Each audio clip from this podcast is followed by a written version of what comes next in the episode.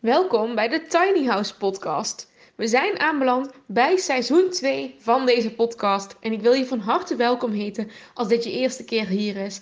En ook als je gewoon weer terug bent gekomen.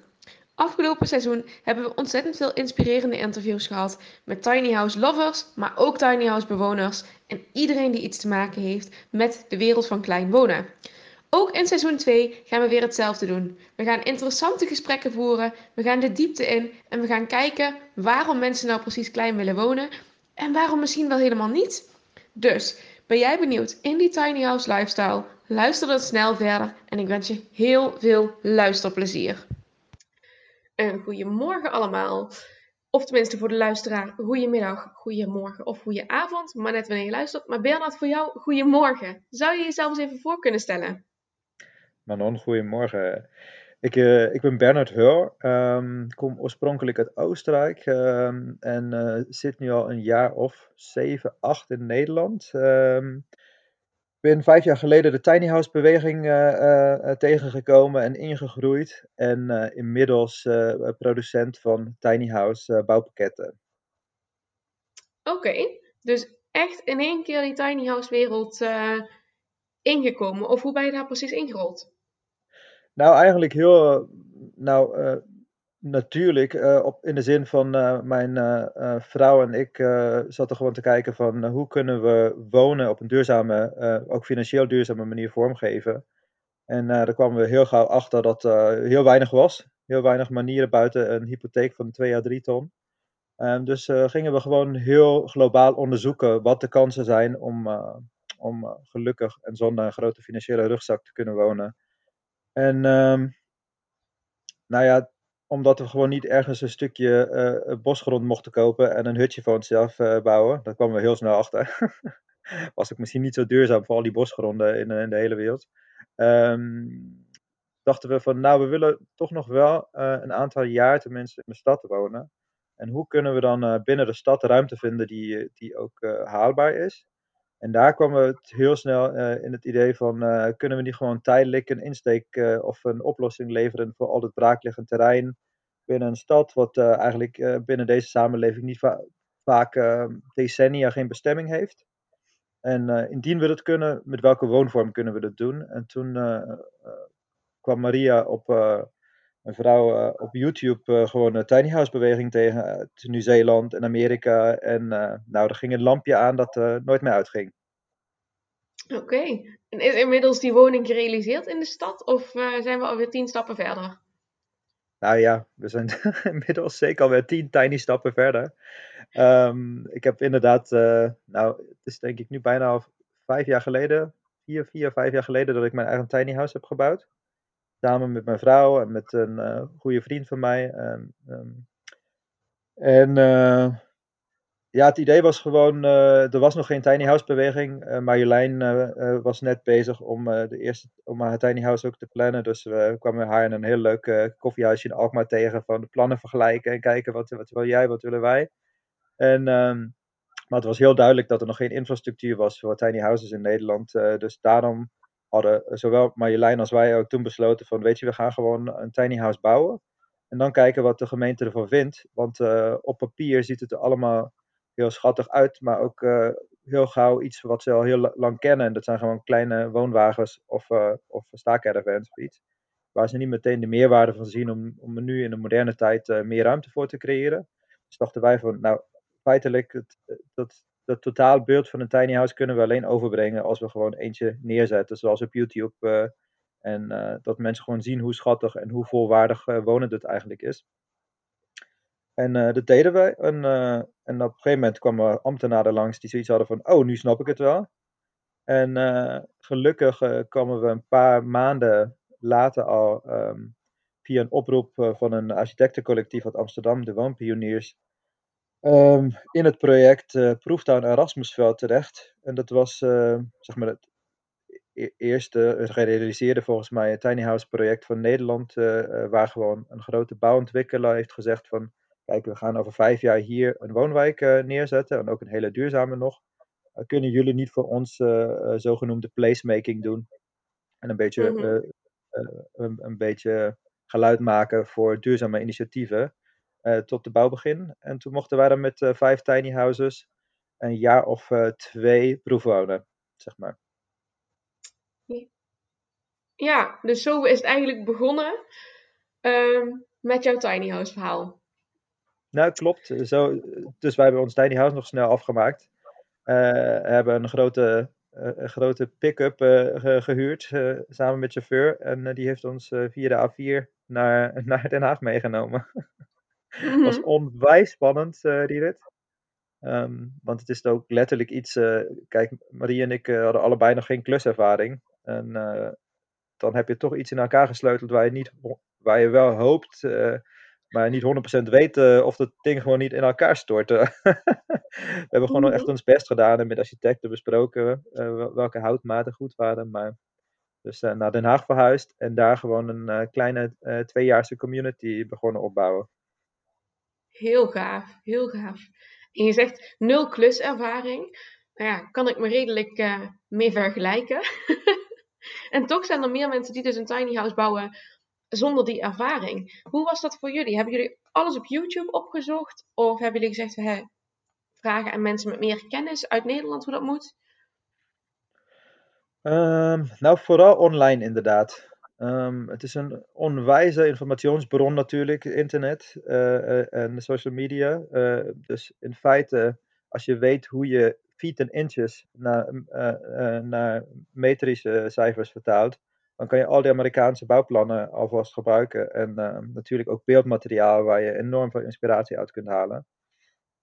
Dus in feite waren er gewoon een hoop mensen uit de hele wereld die zeiden van, we hadden ook geen bouwervaring, maar ja, het is een klein huisje en je mag er ook hier en daar een fout maken als het niet de hoofdconstructie is.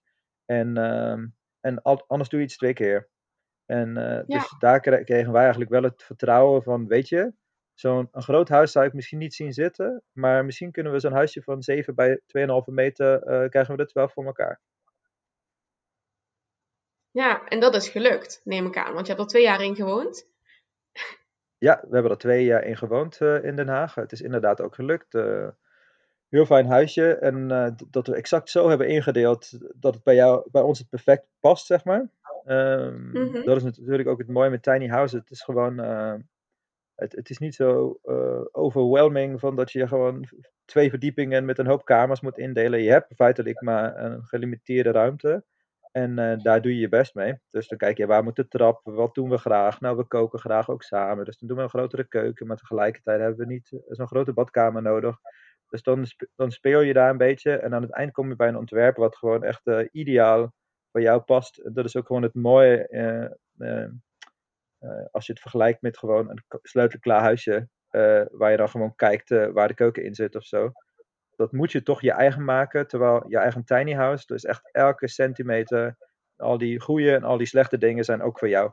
En dat, dat is heel erg mooi en dat is heel erg empowering en dat is heel erg verbindend. Ook voor, voor ja, de verbinding tussen jou en, en jouw huis ook, en je omgeving.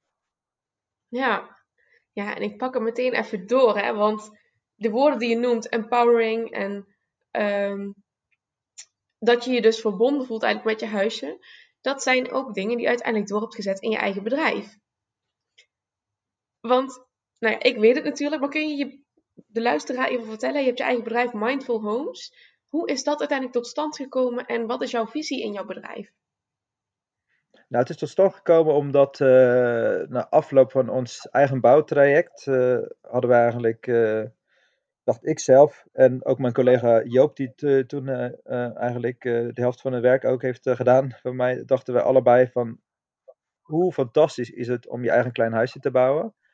tegelijkertijd, hoeveel tijd en energie heeft het ons gekost om dingen uit te zoeken die eigenlijk al nou tien keer bekend zijn. Maar je moet het allemaal een beetje uit elk hoekje van de industrie en sectoren bij elkaar schrapen. Dus dachten wij van, nou het grappige is, we waren elkaar bij IKEA tegengekomen. Uh, ik had een bijbaantje en hij werkte er ook. En we waren heel erg geïnspireerd van, kunnen we niet ook zeg maar, het gemak van een bouwpakket bijvoorbeeld uh, uh, overnemen op iets van huisbouwen. En daardoor de drempel heel erg verlagen voor mensen om te voelen dat ze het toch zelf kunnen. Want ik hoorde mhm. in de eerste paar jaar van de tiny house beweging ook vaker. Ik zou het ook willen, maar, uh, en dat is er niet alleen maar, uh, ik zie het niet zitten of ik heb twee linkerhanden, maar uh, ik heb misschien um, lichamelijke beperkingen of ik heb een gezin van drie mensen of vier. Mag ik dan in de tiny house beweging meedoen en zo? En daaruit kwam bij ons eigenlijk gewoon de, de sterke behoefte, laten we gewoon die, die lat iets lager leggen en de drempel iets verlagen. voor mensen om te voelen, weet je, misschien kan ik het toch gewoon zelf doen plaats. Want alles wat je gewoon volle bak aan een aannemer overdraagt, er komt gewoon ook een dikke factuur. En dat is ook oké, want je geeft alles weg en je krijgt er ook heel veel voor. Uh, maar ik dacht, uh, hoe mooi is het als je A, het empowerment voelt van ik kan het zelf. En B, uh, ik heb daar een hoop kosten mee bespaard. En ik heb het echt haalbaar gemaakt op een termijn waar ik misschien binnen vijf jaar klaar ben met het terugbetalen van mijn huis. En dan mijn levensenergie kan focussen op echt dingen die, die, waar ik heel veel passie voor heb. En uh, niet alleen maar om die financiële rugzak uh, langzaam uh, af, te, af te betalen. Zeg maar. En daar is het uit is ja. Mindful Homes ontstaan. Zeg maar het idee van laten we mensen het gevoel geven dat ze zelf kunnen bouwen en niet huizen bouwen voor anderen. Um, en, en dit wouden wij toen doen met een soort bouwpakket, waar we mensen gewoon één à twee dagen helpen om het in elkaar te zetten. En waar ze dan zelf uh, in verder kunnen. Um, stel bijvoorbeeld, je hebt, uh, nou de meeste, de meeste mensen waar we mee samenwerken, hebben een oom of een neef die gewoon elektricien is. En die kent weer iemand die loodgieter is. Of uh, misschien hebben zelfs bij jou iemand in het dorp die gewoon heel geweldig kozijnen kan maken. En dan vinden wij het gewoon leuk. waarom kunnen we niet zo'n soort, wij noemen het vaak de houten zeecontainer, die we dan gewoon bouwen voor mensen waarin hun hun eigen dromen kwijt kunnen, waar niet wij zeg maar een architectonische visie alvast in plaatsen. Dus stel, eh, je hebt dus inderdaad iemand die elektra voor jou kan regelen. Uh, stel, je hebt op marktplaats tweedehands kozijnen of dure gevonden. Die kunnen wij dan gewoon digitaal inmeten op de millimeter. En daardoor kan je eigenlijk een hele leuke slag ook in duurzaamheid maken. Niet alleen om hele nieuwe, mooie, duurzame materialen te gebruiken, maar ook heel veel her te gebruiken wat er al is. En door die houten zeecontainer, waar eigenlijk dan zeg maar uh, een soort geraamte ontstaat, waar je alles in kunt uh, plakken, kan je heel veel dingen tweede leven geven. Dus dit is, dit is een beetje de visie achter, achter Mindful Homes. Ja, een heleboel. Echt gewoon, ik hoor zoveel informatie van duurzaamheid tot hergebruik tot empowering van de koper slash de bouwer. Um, en dat hebben jullie dus gecombineerd. En dat is dus begonnen met de basis van eigenlijk zo'n container. Maar nou ja, bieden jullie dan ook verschillende modellen aan? Of um, is het echt de basis from scratch ja, waar mensen mee beginnen? Hmm. Of hoe werkt dat als ik als koper bij jou zou komen? Nou, da daar hebben we ook over de jaren een heel uh, slim iets ontwikkeld voor onszelf. Uh, om altijd niet te ver af te dwalen van onze eigen visie en kernwaardes. En dat waren gewoon vier pilaren die dan uh, het mooie Engelse woord same um, even. Dus dat is S voor simpel, de A voor affordable, de M voor mindful en de E voor empowering. Dus dat betekent voor ons alles wat we doen, dan gaan we onszelf ook een beetje afstraffen. Is het nog eenvoudig? Is het betaalbaar? Is het, uh, uh, is het nog mindful? En geeft het empowerment aan de mensen?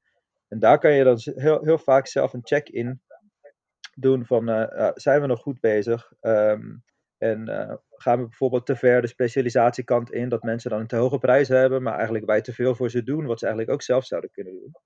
En daaruitgaand uh, um, kwamen we, uh, kwam het voor ons neer op een aantal basismodellen. wat jij net zegt, met verschillende zeecontainers zo te zien. En dat verschilt eigenlijk vooral in de lengte en in de dakvorm. Dus je moet je dan voorstellen, je hebt eigenlijk heb je niet veel meer dan drie basisvormen. dat is een plat dak, een mooi puntdak, als je het vaak uit de Amerikaanse huisjes ziet. en um, en schuin één kant op een, een zogenoemd lessenaarsdak of een zadeldak. Um, en met deze drie vormen kan je onwijs veel doen. zeg maar, we hebben al onze modellen zo ontwikkeld dat je ze naast elkaar kunt stapelen. Dat bijvoorbeeld een dakvorm doorloopt of zoiets. Of dat je dingen uh, kunt uitbreiden als je bijvoorbeeld je gezin vergroot of iets. Dus je hebt drie basiskeuzes, heel eenvoudig. En daar kan je dan gewoon ook met eigen ramen, eigen duurder, eigen gevelafwerking, kan je het echt je eigen ding maken. Ehm, het enige wat je misschien zou kunnen denken wat je verliest, zijn uh, architectonische gekkigheden. Zoals bijvoorbeeld, weet ik een, ronde hoek om, om, de, om de zijkant heen. Of glas dat volledig om een hoek doorloopt of zoiets. Maar dan denken wij eigenlijk, kijk vooral van het simpel, van de eerste kernwaarde van ons. we proberen dat zo simpel en dus ook goedkoop te houden of betaalbaar. Uh, omdat je dan veel minder bouwmaterialen moet verzagen en weggooien en te, platen die je half kunt gebruiken. Dus in die zin denken wij van maak het vooral binnen zo creatief en mooi mogelijk. En uh, buiten heb je dan gewoon met verschillende dakvormen kun je nog heel speelse Lego dokken, uh, um, blokkendoosjes maken. Maar laten we het eenvoudig houden, want anders ben je misschien voor een tiny house ook weer anderhalve ton kwijt. Ja, ja, dus eigenlijk breng je het hele concept terug naar de basis. Ja, het is lastig in woorden te omvatten, maar eigenlijk heb je het gewoon allemaal al omschreven. Hè, van de, basis van simpel en affordable, die checken jullie constant bij jezelf. Zo van, hè, passen we daar, passen we nog binnen onze eigen visie?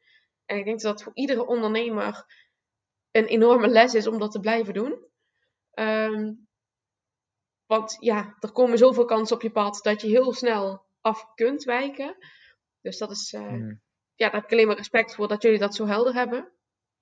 En daarnaast ook dat je dat weer mee kunt geven en door laat zijpelen eigenlijk in je bedrijf en dus in de koper en de huisjes die zij bouwen. Hmm. En, ja, ik weet niet, ik denk dat mensen met een bepaalde visie naar jullie toekomen, maar ook weer met een versterkte visie en een versterkt perspectief uh, aan de bouw beginnen.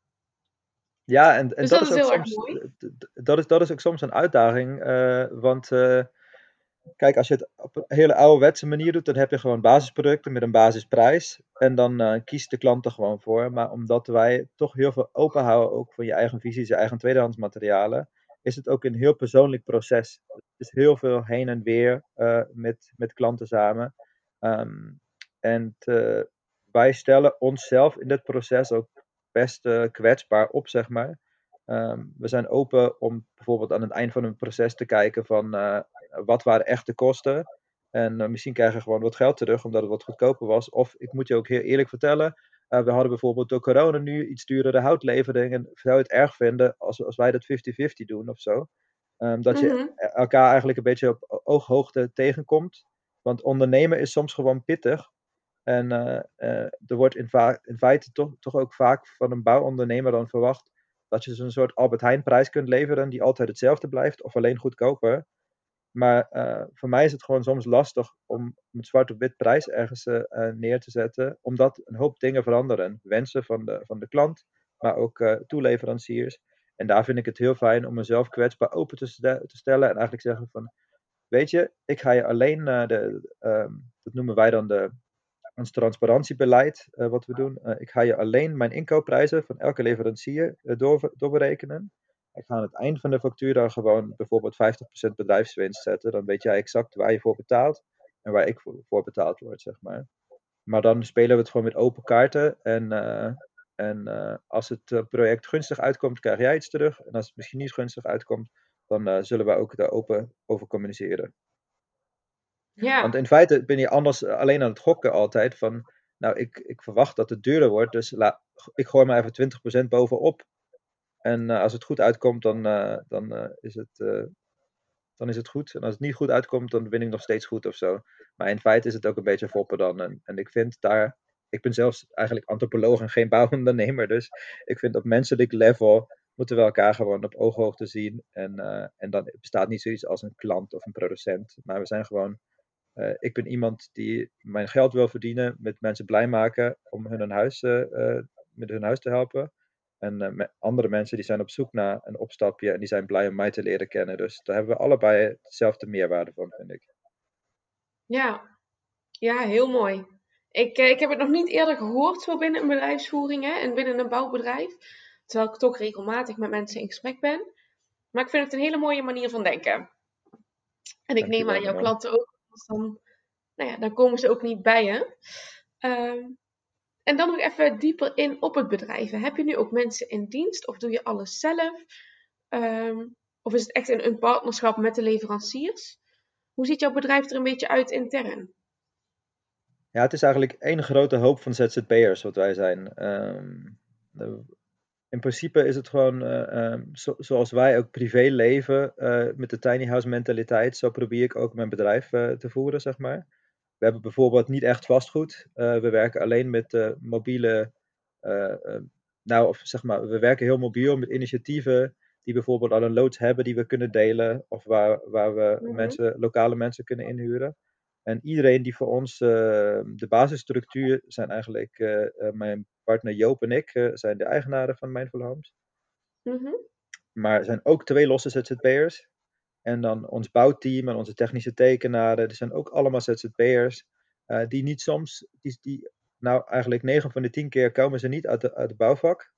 maar zijn gewoon mensen die een drive hebben om iets moois te doen. Of zelfs vrienden van mij. Die zeiden van, nou ik wil eigenlijk een keer iets anders doen. En eh, dat je op die manier dus ook hun weer empowert om gewoon eh, vanuit de drijfveer van ik wil iets moois neerzetten te werken. In plaats van gewoon, eh, nou, ik, hier heb ik voor gestudeerd en dat weet ik toch al. En, eh, ehm, dus het zijn inderdaad allemaal ZZP'ers. Ehm, mijn, kijk, mijn, mijn vrouw die, kan heel, die werkt heel nauwkeurig. Dus we hebben haar gewoon gevraagd of ze aan, aan de grote decoupeerzaag wil zitten. En dat vond ze prachtig.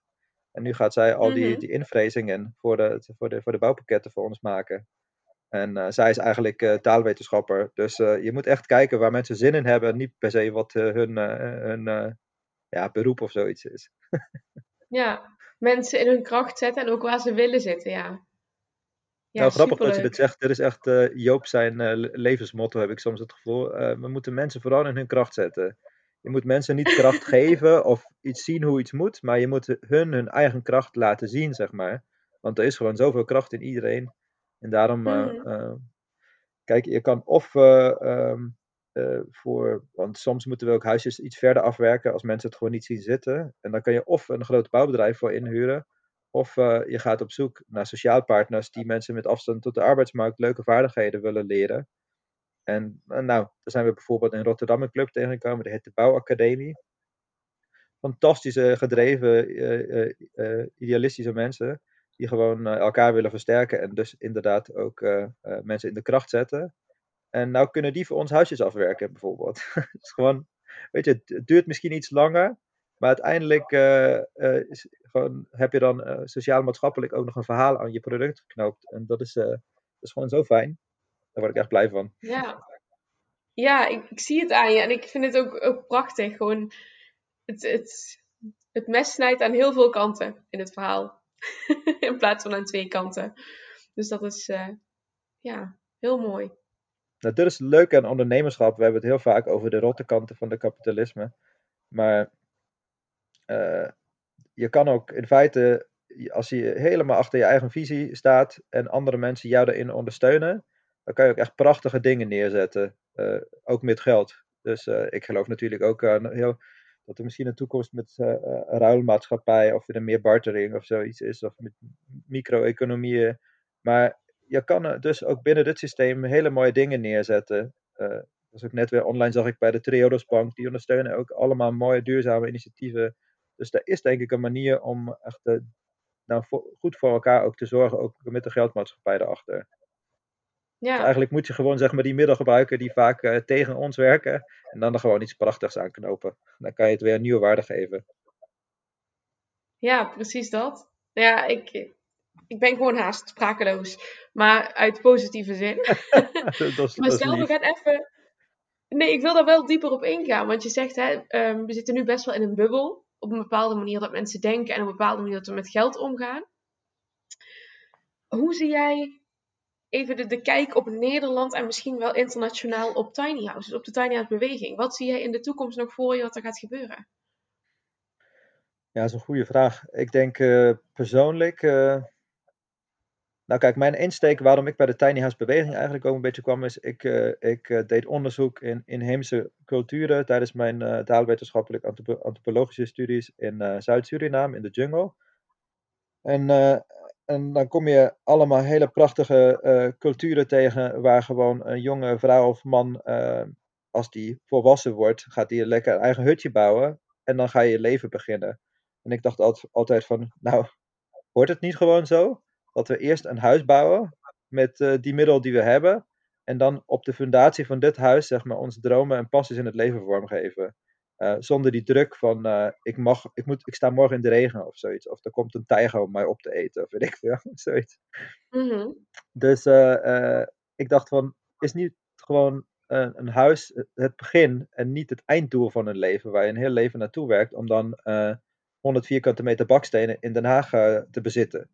Um, dus daaruitgaand kwam bij mij het besef van uh, wat is housing en uh, uh, moet er niet gewoon ook een nieuwe manier van eigendom en van huisvesting komen? En de tiny house beweging vind ik zelf is één um, manier om een om, tijdelijke verlichting van het probleem um, te, te krijgen, zeg maar. Maar de tiny house beweging is voor mij natuurlijk ook een beetje een symptoom van een iets zieke maatschappij.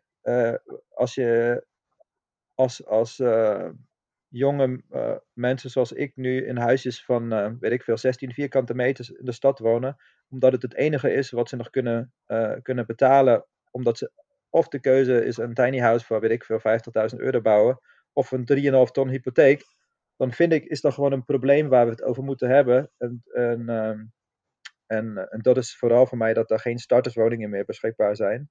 Um, kon je gewoon tien jaar geleden nog misschien voor 85.000 euro een kluswoning in Rotterdam-Zuid vinden.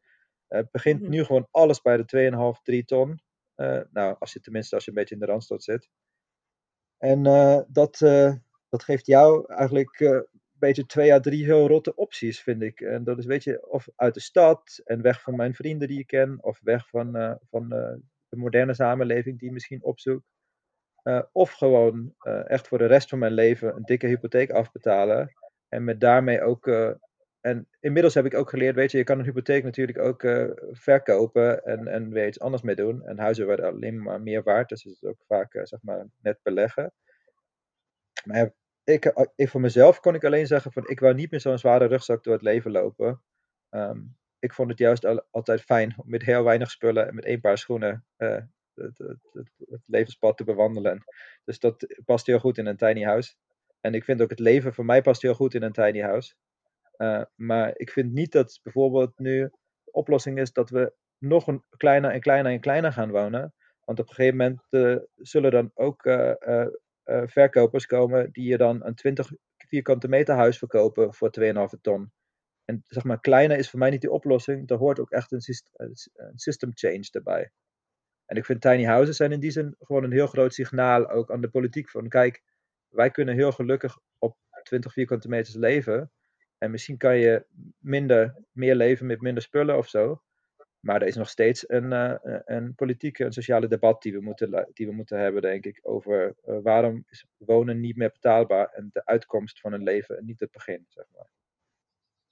Ja, ja, zeker. En denk jij dat dat iets moet zijn vanuit de overheid, hè, dat zij daarin de eerste stap moeten nemen? Of denk je dat juist nu, wat er eigenlijk gaande is hè, met woonpioniers, alle tv-afleveringen um, over klein wonen en eh, alle wooninitiatieven die er zijn, denk je dat dat het verschil gaat maken? Ik denk het is een hele mooie samenwerking tussen, tussen het volk en de bevolking en en de, en de politiek, zeg maar. Want uh, de bevolking laat duidelijk zien, kijk, we zijn op, uh, binnenste buiten en we kunnen gewoon klein wonen. Um, dus, uh, dus misschien zou het ook gewoon leuk zijn als jullie, de politiek, ook kleine woningen voor ons beschikbaar maken voor, weet ik veel, een, een ton of zo. En ik zou graag klein willen wonen als het maar betaalbaar is. En tegelijkertijd ziet de politiek heel erg, denk ik, dat er een, A, een woningnood is. En B, kleiner gewoond kan, slash moet worden. Want ik kom oorspronkelijk uit Oostenrijk en uh, het is gewoon gangbaar dat mensen daar 200 plus vierkante meter huizen hebben vrijstaand. En uh, ja, ik, ik snap het gewoon dat je aan het eind van een dag waar je heel veel uh, hebt gewerkt naar huis wil en tv kijken in je eigen vier wanden. Maar ik denk dat we gewoon ook vaak met die ruimte die we hebben iets zuiniger zouden kunnen omgaan. Of misschien een soort van moderne samenlevingscommunities waar je weet ik veel, een washok of een klushok met elkaar deelt. Om gewoon dingen iets uh, A, uh, uh, nou, kleiner en betaalbaarder, maar ook iets verbindender op te bouwen. Waar je ook echt samenleven meer faciliteert in plaats van naast elkaar leven. Dus ik denk daar kunnen de, de burgers samen met de politiek een mooi gesprek eh, ingaan ehm, over wij willen jullie helpen om het, eh, de, zeg maar, de bevolking wil helpen om het betaalbaar te houden. Als wij eenvoudig Mhm. willen leven, dan kan de politiek zeggen van oké, als jullie eenvoudig willen leven, dan kunnen wij misschien ook eenvoudig leveren. Ehm, maar ja, dat, dat gaat een beetje tegen de, de hele maatschappij van eh, eh, ja, weet je, huisjes melken en eh, de- een volledig open neo, neoliberale eh, huizenmarkt.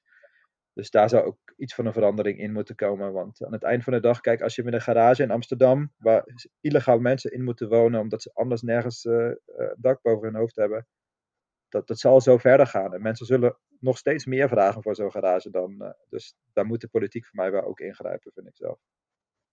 Ja, enerzijds de creativiteit van het volk laten zien en de welwillendheid. En anderzijds, ja, ook ontvankelijk zijn voor de, de overheid die daar wat aan gaat doen. Dat, eh, Ja, klopt. Ik denk allebei moeten laten zien dat ze gewild zijn om iets te doen. En eh, ik denk bijvoorbeeld zelf niet dat, dat zoiets als boze mensen bestaan. Eh, ik denk dat mensen gewoon gedreven zijn door behoeftes in het leven. En als die behoefte is om geld voor mijn familie te verdienen, dan zullen mensen gewoon alles aan doen om eh, hun kinderen nog een toekomst te bieden. En eh, nou ja, als ze dan een, een, een advertentie zien voor huizenmakelaar en daar veel geld mee kunnen verdienen. Dus ik denk niet dat makelaren slecht zijn of makelaarskantoren, maar ja, ik heb ook soms het gevoel, be- bepaalde sectoren hoeven voor mij ook niet per se te bestaan. Die zijn gecreëerd vanuit een geldmaatschappij en die drijven zichzelf nu. Of dat een bank heel veel geld moet verdienen met hoog risico dingen of zo. Ehm, mhm. dus ik, ik snap het wel dat ze er zijn, maar ik denk ze zouden, bepaalde sectoren zouden ook weer weg kunnen gaan. Eigenlijk. Zonder dat we eh, instorten als mensheid. Nee, ja, ben ik helemaal met je eens. Ja, dus ik denk gewoon dat we de komende jaren echt nog wel een verandering moeten en kunnen verwachten. En eh, niet alleen de overheid, maar ook gemeentes. Want wat ik zelf heel erg merk, is dat gemeentes nog niet genoeg aankloppen bij de buren. Ehm, hè, stel dat ergens al iets gerealiseerd is, dan zullen we niet zo snel vragen: hoe heb jij dit gedaan? Hmm. Ehm, maar eerder alles zelf uitzoeken. En dat is naar mijn inziens gewoon niet efficiënt en, en totaal niet, eh, niet logisch. Nee. Dus ik hoop ook dat daar een verandering eh, in plaats gaat vinden. Nou, ik, ik hoop het ook. Wat jij zegt, dat de gemeenten gewoon eh, elkaar aan de, bij de hand nemen en zeggen van, weet je, jij hebt het echt goed voor elkaar. mag ik even op jouw succes meedrijven, bijvoorbeeld? In plaats van, nou, ik snap natuurlijk als er verkiezingen aankomen, dan is het ook gewoon fijn om je eigen paradepaardje te maken. Eh, maar je kan het ook je eigen spin geven, want iedereen heeft leegstaand beheer in een, in een stad. Ehm, of misschien niet alleen tijdelijk. Je ziet ook, zoals bijvoorbeeld in Den Helder, dat ook echt in woonwijken eh, eh, vaste tiny houses geïntegreerd gaan worden. Of in, ehm in Zeist nu. Ehm, en dan vind ik het gewoon heel leuk als de politiek open staat, bijvoorbeeld voor bijvoorbeeld verkaveling. Dat een grote bouwkavel in iets kleinere compartimenten verdeeld wordt. En de kans gegeven wordt aan, eh, aan, aan tiny house enthousiastelingen om te zeggen van eh, ik wil eh, in x vierkante meter wonen. En dan vind ik het ook oké als we een open debat hebben over hoe groot mag een tiny house er ook nog zijn, bijvoorbeeld. Want dit is ook iets waar ik binnen de, niet alleen de Nederlandse, maar de globale tiny house beweging nog soms een beetje moeite mee heb dat mensen elkaar afstraffen met vierkante meters. En ehm, dat er geprobeerd wordt een soort scheidslijn te trekken. eh, terwijl ik eigenlijk denk van tiny is een heel eh, relatief begrip. In de zin van, eh, ik ben echt al families tegengekomen met vier kinderen. Die zeiden van, oh Bernd, ik zou zo graag ook in een tiny house willen wonen. Maar ja, je weet hè, dat kan gewoon niet. En toen dacht ik van, nou maar hoezo niet? Voor jullie is toch 80 vierkante meter ook geweldig tiny. En, da- Mhm. daarom, en daaruit hebben Joop en ik ook besloten met Mindful Homes. ehm, volgens mij op die nieuwe homepage die ik net aan het bouwen ben, kom je dat woord tiny house geen enkele keer tegen. Omdat wij gewoon, eh, nou, niet eens betaalbaar, maar gewoon haalbaar wonen mogelijk willen maken, zeg maar. En als je dan beperkt tot een vierkante meter percentage, dan, eh, dan, houden we eigenlijk mensen buiten die we juist ook willen aanspreken, zeg maar. Ehm, en eh, de- daarom hebben we inmiddels echt projecten staan die soms eh, voor, voor gezinnen met kinderen met 120 vierkante meters, en waar ze dan nog eh, die, iets dingen kunnen aanbouwen. Maar het is toch prachtig dat ik zo iemand dan kan helpen om een betaalbaar huis neer te zetten. En uh, voor mij is het dan niet zo heel belangrijk of die zich dan onderdeel van de tiny house beweging of niet noemt, moet ik eerlijk zeggen. -hmm. Ja. ja, ik denk dat ik daar helemaal, uh, ik kan me daar helemaal in vinden. Hetzelfde geldt voor de tiny house term in zijn algemeenheid. Waarom zouden we kaders stellen? Op het moment dat iemand mij vraagt, wat is de tiny house beweging? Um, en welke eisen zitten eraan vast? Ik zeg ja, origineel, hè, zoals het vanuit Amerika over is komen waaien, houden we ons daar en daar aan. Ik zeg maar, inmiddels is het zo geëvolueerd. Mm. Er zijn er zoveel vormen, weet je, dat die op wielen zou moeten staan, is voor mij ook al geen zekerheid meer. Nee, dat is heel en, gauw veranderd, hè? Dat is echt heel snel veranderd. En dan denk ik, ja, waarom aan die vierkante meters vasthouden? Um, mijn allereerste aflevering ging over Go Tiny Live Free. Een project in Alerik dat daar gerealiseerd is. En dat waren 70 vierkante meter huisjes. Mm -hmm. En eigenlijk zei Luc, dus de eigenaar van het project, of in ieder geval de ontwikkelaar, zei... Ja, we zijn geen tiny house, want we zijn groter. Um, maar tegelijkertijd was dat wel, hè, die, dat perspectief, die levenswijze, was wel de insteek geweest. En dan denk ik, ja, waarom doen we eigenlijk zo moeilijk met z'n allen? We gaan elkaar weer in Mhm. hokjes plaatsen. Ja, Ehm, terwijl iedereen zoek- zoekt naar wat jij zegt, hè? affordable wonen. ehm, en een ander perspectief, een duurzaam perspectief hebben op de wereld eigenlijk. Ja, dat zeg je heel mooi. Dus dan- En, en ik, denk, ik denk persoonlijk ook bijvoorbeeld, eh, eh, ook eh, dit project wat je nu noemt, dan voel ik ook meteen, moet een tiny house niet een soort katalysator zijn of iets wat eh, eh, een, een, eh, een, een leven vol gedrevenheid en passie faciliteert, zeg maar, in plaats van dat je echt je droomhuisje neerzet, wat voor altijd perfect is, zoals de illusie van een altijd perfecte relatie met een mens die je elke dag wil zien en om je heen, weet je. Dus waar streven we eigenlijk naar? En, en daarom ook, ik denk, als je een huisje bouwt wat gewoon betaalbaar is en waar je dan echt eh, de tijd en de ruim- financiële ruimte voelt om misschien toch nog een bakker te worden of weet ik veel, naar Australië te gaan. Ik vind, als, dan hoeven we die focus niet zoveel op het huisje te zetten. Want kijk, ik denk als je gewoon dagelijks eh 30, 40 jaar lang, zoals, zoals mijn vader bijvoorbeeld, in hetzelfde kantoor zit, ehm, of heb gezeten, dan, dan, moet je, dan moet er ook iets tegenover staan. Zeg maar, voor al die moeite die je doet, omdat het leven ook soms zo zwaar is. En dan snap ik gewoon, als je een huisje nog mooier kan maken met een nog grotere eh, tv of een auto. En dat zeg ik, niet, eh, dat zeg ik nu niet eh, oordelend. Dat, dat is gewoon zeg maar de, de, de legitimatie voor een leven waar je echt heel hard moet werken. Maar ja, stel je hoeft niet zo hard te werken. Misschien heb je dan niet die grote statussymbolen nodig. En een groot huis hoort voor mij daar ook eh, bij, zeg maar. Dan kan je misschien nog ook, een huisje iets eh, bescheidener afwerken. En eh, dan juist laten zien met hoe weinig jij kunt leven, omdat je de helft van het jaar in Nieuw-Zeeland zit of zo. Dus ik, zie dat huis zeg maar niet als het middendoel of de focus van alles wat ik doe. Ook niet met mijn bedrijf. En dat is wel soms grappig als mensen dan binnenkomen bij een huisbedrijf en ik zeg, ik wil het eigenlijk helemaal niet over het huis hebben. Maar het is in Mhm. feite alleen een opstapje voor een leven wat jij vormgeeft en waar jij voor verantwoordelijk bent, zeg maar. En dat is soms een beetje eng, maar het is Ja. ook heel leuk om dat zelf te kunnen verkennen. Ja, precies. Het is ineens geen doel meer, maar een middel. Ja, En het leeft met je mee. mhm, Het is absoluut. niet één gegeven, maar omdat het juist zo betaalbaar is en ehm, ik denk ook een stukje dat het een stukje flexibil- flexibiliteit omhelst, Juist. ehm, dat je het kunt aanpassen. Hè? Stel je, hebt een, je krijgt kinderen en je zegt ja, we faciliteren ofwel een extra tiny houseje Juist. ehm, voor mijn kinderen en ik verkoop die later weer. Mhm, Er zijn zoveel manieren om daarmee om te springen. Dus ehm, absoluut mee ja. ja. Het klinkt als een heel goed plan en ik denk dat de luisteraars ook. eh, ja, ik hoop dat de luisteraars die mening met ons delen. Nou, en, Of in ieder geval geïnspireerd raken. en wat je ook al zei, kijk, dan begin je bij 2,5 meter op een aanhangwagen. En dan kom je ook vanuit de overheid nog heel veel stigma's tegen met woonwagenkampen en zo. En toen waren wij twee jaar geleden overgestapt naar de 3,5 meter voor een diepladematen.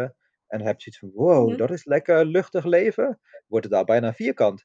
En eh, inmiddels eh, zijn we een beetje op een pad om te zeggen van, nou, kunnen we niet ook naar 4 meter breed gaan? Want eh, dan ben je één keer in de 5 à 10 jaar nog extra 800 euro kwijt voor zo'n begeleidauto, uh, convoy exceptioneel.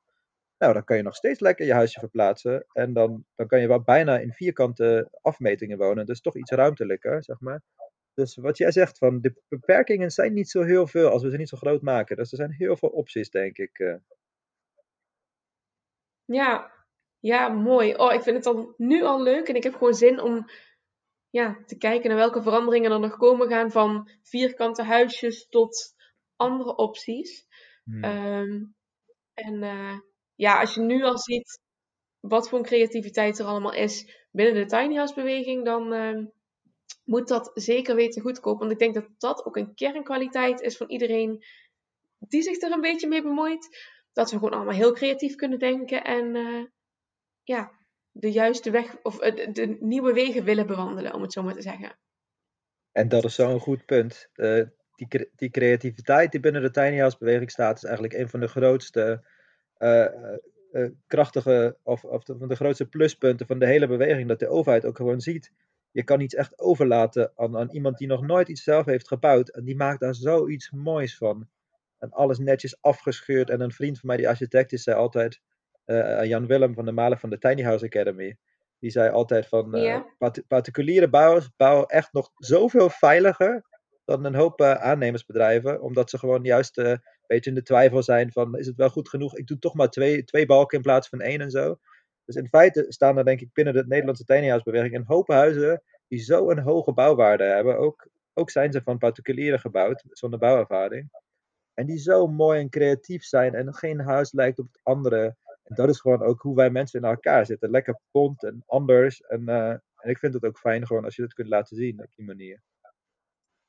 Ja, nou ik denk dat we heel veel onderwerpen hebben aangehaald die in ieder geval mij hebben geïnspireerd. Ehm, en die gewoon wederom echt eventjes een, een uh, licht schijnen op weer een nieuw perspectief in de tiny house wereld. En ik had natuurlijk een stukje vragen voorbereid hè, over het, jullie bedrijf en jouw visie op de tiny house wereld. Maar er zijn altijd interessante dingen die ik natuurlijk niet weet, hè, waar ik nog niks over gevonden heb en dus ook niks over kan vragen. Maar zijn er dingen waarvan jij zegt, die wil ik nog delen? Ehm, over jouw ervaring, over je bedrijf, over uh, misschien wel de toekomst of het verleden, waarvan je denkt, dat moeten we nog eventjes bespreken? Um, nee, wat je zegt, we hebben eigenlijk al heel veel besproken, maar het e-, enige wat, wat we nu even binnen, binnenkomt, binnenschiet is ook vooral uh, kijken wat je eigen behoeftes zijn, uh, kijken wat je zelf nodig hebt en wat je ook zelf kan. Ik vind bijvoorbeeld ook als jij, uh, ik moet heel eerlijk zeggen, het leukste is nog steeds zelf bouwen. Dus als iemand het echt ziet zitten om dat allemaal uit te werken en zich daar een half jaar, een jaar de tijd voor wil nemen, doe het vooral zonder een bedrijf. Doe het ook zonder Mindful Homes. Doe het gewoon lekker mindful zelf. Um, want uh, dat is het meest confronterende proces. Dan ben je echt, dan kom je een hoop dingen tegen uh, waar je het wiel opnieuw zal uitvinden. Maar dat is ook soms oké. We hoeven niet altijd efficiënt of of met maximale rendite te werken. Dus als je er echt helemaal zin in hebt, ga gewoon echt je eigen Robinson Crusoe wild project doen. En dat vind, dat vind ik ook heel fijn. Maar ja, wat wij dus vooral doen is eigenlijk het zelfbouwen faciliteren voor mensen die een opstapje nodig hebben. Um, en voor iemand die volledig het diepe water in wil springen, zeg ik ook gewoon lekker doen. Gewoon gaan. Het, het leven het leven is gewoon te leuk om, uh, om je te veel af te laten remmen van je eigen angsten. En uiteindelijk uh, ken ik niet veel mensen die, die, die je later tegenkomt te zeggen van had ik maar minder moeten doen in mijn leven. Of had ik maar minder risico's genomen of zo. Maar ja. dus uh, ja, ik, ik, ik hou gewoon van jezelf uitdagen en gewoon gekke dingen doen. En daarom zit ik ook hier met je uit te babbelen nu. dat is fantastisch. Ja, precies. Nou, ik vind het prachtig. Als, als mensen nou wel zeggen, ik wil dat opstapje hebben, Waar kunnen ze jou vinden? Moeten ze bellen? Moeten ze mailen? Moeten ze naar de website, social media? Vertel het ze. Uh, ja, ik, ik ben net bezig om een hele mooie website af te ronden. Ook in eigen, eigen bouw. Dus daar ben ik heel trots op. um, waar alle informatie is heel kort en krachtig op staan. verder kunnen mensen, dus dat is www.mindful met 1L. Moet ik vaak erbij zeggen, middenstreepje homes.com ook niet NL. Ehm, en ik ben ook, eh, anders kunnen ze mij ook gewoon op, de website bellen of een mailtje sturen. Ehm, maar social media ben ik eigenlijk een beetje aan het terugdraaien. Omdat ik daar meer onrustig van word de afgelopen jaar dan, eh, dan wat het mij uh, afleverde. Dus ehm, ja, ik vind een website is een heel mooi elektronisch visitekaartje. En dat kan je op je eigen manier vormgeven zonder grote bedrijven erachter. En, en dat is dat is zeg waar mensen bij ons eh, binnenkomen. En daar heb je dan ook een hoop voorbeelden over wat we hebben gedaan. En, eh, en eh, waar ze een beetje inspiratie kunnen opdoen. En ook een hoop FAQ's, vragen en antwoorden. Waar, waar mensen informatie uit kunnen halen zonder met ons in zee te gaan of iets. ook. Ja, nou ik zal in ieder geval de link eventjes in de beschrijving zetten van de podcast. Ik denk dat we hem heel mooi uh, op deze manier kunnen afronden. En ik hoop dat je het daarmee eens bent. Heb je vandaag nog plannen om te gaan bouwen? Of zeg je vandaag is een, een andere dag? Nou, uh, vandaag uh, gaan we een, um, ons eerst eigen huisje plannen. Want wij produceren natuurlijk alleen, mijn collega Joop en ik produceren alleen op, op maat, zeg maar, voor, voor bestelbestellingen. Maar omdat we nu mhm. die, tof, die toffe club, omdat we nu met de bouwacademie samenwerken, willen we hun ook gewoon continuïteit kunnen leveren. Dus zijn we nu van plan om altijd één huisje door hun laten, laten afbouwen.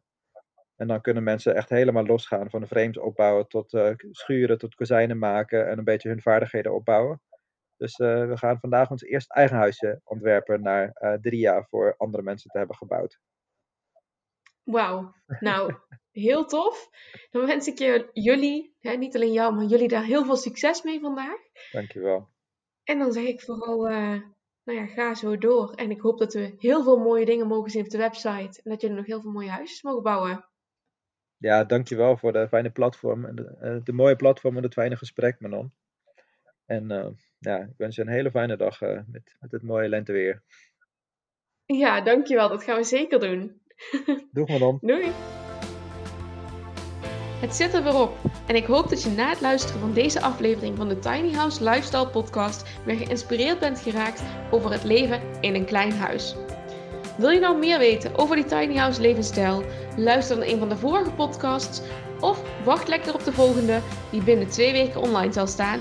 En ik hoop van harte dat je daarbij aanwezig bent en dat je komt luisteren naar de inspiratie die ik, maar vooral mijn gast hier in de podcast, te bieden heeft. Geniet van je dag en tot de volgende!